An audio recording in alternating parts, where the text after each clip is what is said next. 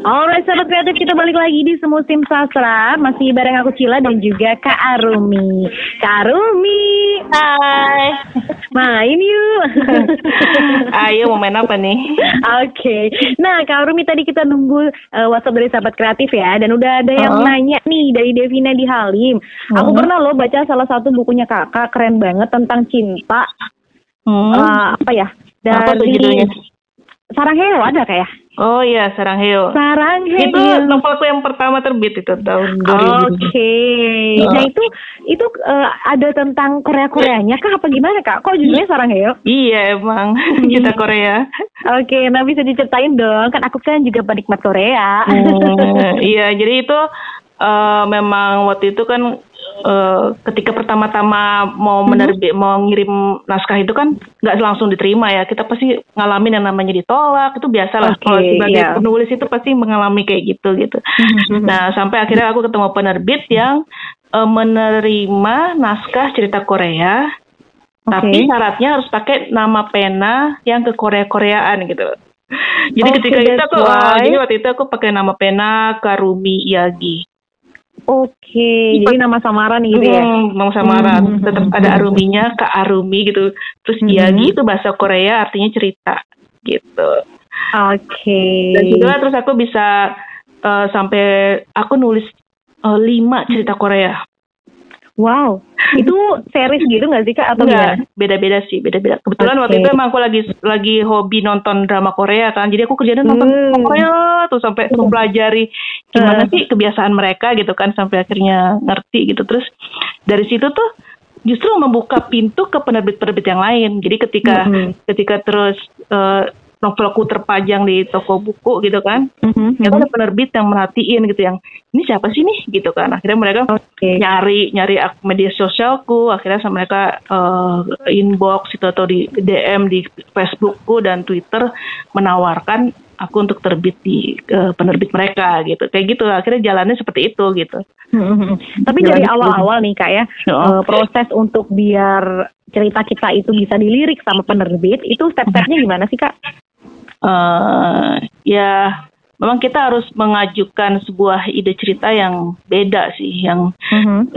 jadi kita bikin kayak semacam proposal gitu kan jadi ke penerbit uh, ide, cerita kita tuh seperti ini gitu terus keunggulannya apa gitu kan okay. terus uh, kita juga harus banyak latihan sih memang latihan gimana caranya me, me, membuat sebuah kalimat yang enak dibaca gitu itu tuh membutuh latihan panjang sih gitu. Semakin sering mm-hmm. menulis maka akan semakin terlatih untuk bisa memilih kata-kata yang jadi enak dibaca seperti itu dan wow. memang mesti banyak baca juga jadi dengan membaca kan kita jadi bisa tahu kan ketika mm-hmm. kita membaca sebuah cerita yang, eh kayaknya enak banget dibacanya terus kita bisa mempelajari dari apa yang kita baca itu gitu.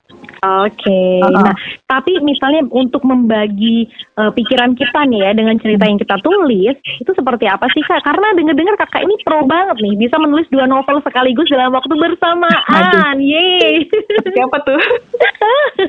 Coba kasih tahu Kak gimana Kak tipsnya. Uh, pernah sih, pernah. Jadi gini, aku kan sekarang ini kadang-kadang suka dapat uh, proyek dari penerbit gitu. Jadi penerbit yang ngubungin aku, kamu bisa nggak nulis cerita gini-gini gitu kan? Oke. Okay. Mm-hmm. Biasanya kalau misalnya aku melihat bahwa potensinya besar gitu. Maksudnya ini kesempatan yang kalau aku tolak tuh aku uh, aku rugi gitu kan. Jadi aku terima gitu karena ini bagus ini ini suatu tawaran yang bagus. Nah pernah hmm. suatu saat ada dua tawaran gitu kan. Yang kayaknya nggak mungkin aku tolak deh. Dua-duanya bagus gitu penerbit bagus dua-duanya gitu kan. Terus okay, okay. akhirnya aku terima dan aku terima terus aku nulis dua dan itu ternyata cukup memusingkan. Aku sempat kebalik-balik nama tokohnya. Dan uh, editorku tahu gitu, editor editorku tahu kalau aku nulis dua cerita yang bersamaan gitu kan. Ini kok uh, namanya jadi begini ya? Ini bukannya ini tadi namanya gitu. Oh iya ya, kebalik gitu. jadi uh, sebenarnya bukannya nggak bisa bisa, tapi sebaiknya sih emang lebih fokus eh, fokus ke satu, satu oh, gitu ya selesaiin gitu karena nggak semua orang bisa bisa mikir dua cerita sekaligus itu aku udah pernah nyoba dan ternyata nggak nggak mudah gitu nggak mudah gitu Iya Tapi sih. ketika kesempatan itu ada Huh? dan Mhm, mhm. dan nggak mungkin ditolak ya ya terpaksa diterima. Iya sih ya, iya juga. Jadi punya challenge buat diri sendiri kan ya kak ya. Nah, iya biasanya aku Heeh. kalau misalnya tawaran itu menantang gitu yang yang bisa bikin aku jadi lebih bagi, baik lagi biasanya aku terima gitu. Tapi pernah nggak sih kak eh, dari penerbit nih misalnya eh, coba kasih challenge ke kakak nih, coba dong Hmm. kamu bikin cerita ini horror romance gitu. Ntar eh, dengan tema itu kakak baru kembangin, kakak baru bikin kayak gitu. Iya pernah yang rong, ronggeng pembalasan Sulastri ini yang yang sekarang sedang open order itu seperti itu. Jadi penerbit ngubungin aku, kamu bisa nggak nulis cerita yang horornya ini klasik Nusantara? Karena aku biasanya tadinya tadinya ya, aku tuh takut sama eh, cerita horor yang oh, hantunya hantu Indonesia aja. Oke. Jadi kalau hantu luar negeri nggak takut nih? Maksudnya hantu ala Indonesia yang kayak kuntilanak, sendal bolong itu kayaknya eh serem banget gitu. Terus ditawarin yang jadi eh ditawarin untuk nulis cerita yang eh, ini cerita tradisional horor klasik Nusantara Oke. gitu. Horor, Mhm. horor Indonesia asli gitu yang yang klasiknya gitu kan. Terus eh itu mereka jadi mereka ngasih tema gitu misalnya temanya itu seperti ini terus aku ngembangin sendiri aku bikin plotnya terus membentuk karakter karakternya gitu dan itu menantang banget gitu aku, aku terima tantangan itu gitu dan cuma kas, dikasih waktu dua bulan untuk menyelesaikannya dan alhamdulillah selesai dan itu akan difilmkan tahun depan akan difilmkan novelnya Yeay. Nanti nonton dong. Iya. Ronggeng itu ya tuh ya. Heeh, ronggeng Ah, ah. pembalasan Sulastri Ronggeng sekarang masih open Sulastri. PO sampai tanggal Hmm. 19 Agustus Oh bentar lagi dong. Mm-mm.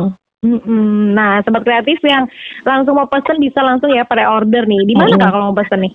bisa dicek ke Instagramnya penerbitnya pener- penerbit Sunset Road Mhm. Di Atau- Instagramnya ya. Uh, atau Instagram aku juga bisa uh, arumi underscore a Arumi underscore A. iya. Oke, itu nama bekennya nih. iya Mm-mm.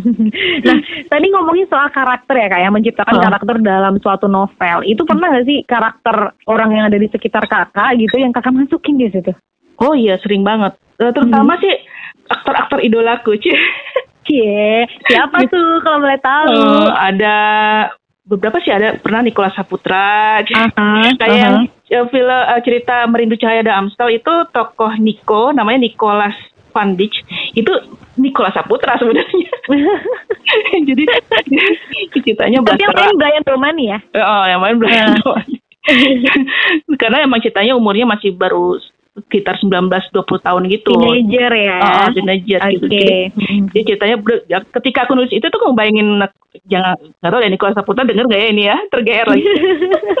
Aku apa-apa kan namanya ngefans tadi. Dia- aku ngebayangin dia terus jadi eh, tokohnya itu ya, ngikutin karakter dia gitu cool terus dia suka Oke. suka fotografi gitu kan terus Hmm. arsitek gitu terus Waduh, itu Oh. emang cuma idaman banget. Oh, blasteran, Mm-mm. bule Indonesia gitu. Terus aku pernah waktu itu ketemu pas acara eh, ketemu Niko gitu. Aku udah siap bawa novelnya itu, pengen aku kasih ke dia gitu, pengen minta tanda tangan. Tapi sayang sekali dia terlalu sibuk. Oh, jadi waktu dan tempat tidak Iya. bekerja sama saat itu ya. Iya, Baiklah. gitu. itu salah satu contoh yang karakter yang ada yang inspirasi di Oke. novel. Salah satunya ya, adik Mhm. kedua kakak gitu. Nah, kalau misalnya keseringan nulis gitu kan pernah ada ngerasa bosan gak sih kak? Atau mungkin stuck gitu?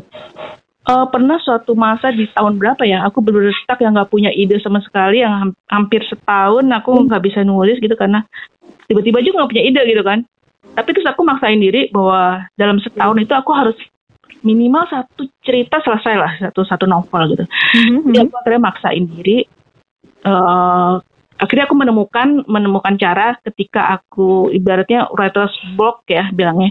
Ketika berhenti mendadak gitu otak berhenti mendadak nggak bisa itu ternyata kita dengan cara kita paksain diri aku maksain diriku eh, untuk berpikir gitu Oke. mikirin sebuah cerita. Jadi biasanya kan aku nemu ide tuh nemu aja gitu kan. Misalnya lagi nonton TV, lagi baca atau lagi ngeliat sesuatu, dengerin cerita temen, tiba- tiba-tiba ide itu datang gitu aja. Tapi ketika itu aku mikirin khusus pikirin bikin apa nih ya gitu. Dan ternyata itu bisa gitu. ketika kita mem memaksa otak kita untuk menemukan ide itu juga bisa Mhm. gitu.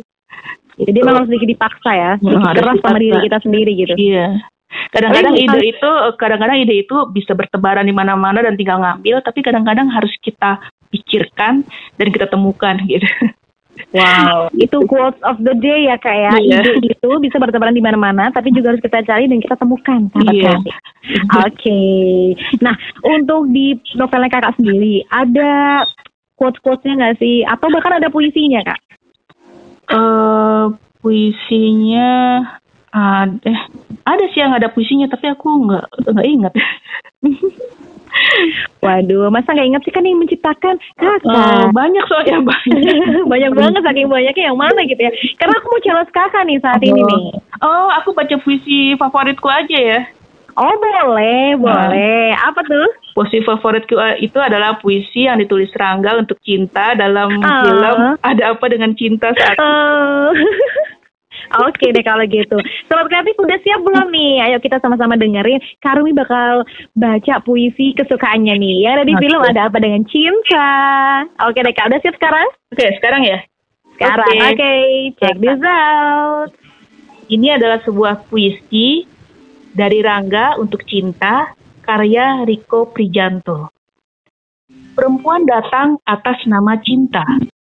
Bunda pergi karena cinta. Digenangi air racun jingga adalah wajahmu. Seperti bulan gelap tidur di hatimu yang berdinding kelam dan kedinginan. Ada apa dengannya? Meninggalkan hati untuk dicaci, Baru sekali ini aku melihat karya surga dalam mata seorang Hawa. Ada apa dengan cinta? Tapi aku pasti akan kembali dalam satu purnama untuk mempertanyakan kembali cintanya. Bukan untuknya, bukan untuk siapa, tapi untukku. Karena aku ingin kamu. Itu saja. Udah, itu. Yeay.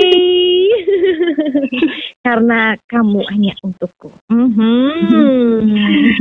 Iya, jadi aku emang ngefans banget sama Rangga gitu. Ketahuan Iya. kan jadinya kan.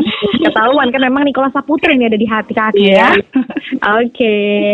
Tapi kalau filmnya Nikola Saputra yang lain juga nonton kan ya? Kayaknya hampir semua film dia aku tonton deh. Cie. Ngefans berat gitu kan. Ketahuan. Waduh, oke Kak. Sayangnya dia jarang-jarang main film ya, sa- sayangnya. Iya sih mungkin ya. Nanti suatu hari sedang mempersiap- mempersiapkan project maybe ya kan. Hmm. Nah kak, harapan kakak nih untuk dunia sastra Indonesia ke depannya seperti apa sih?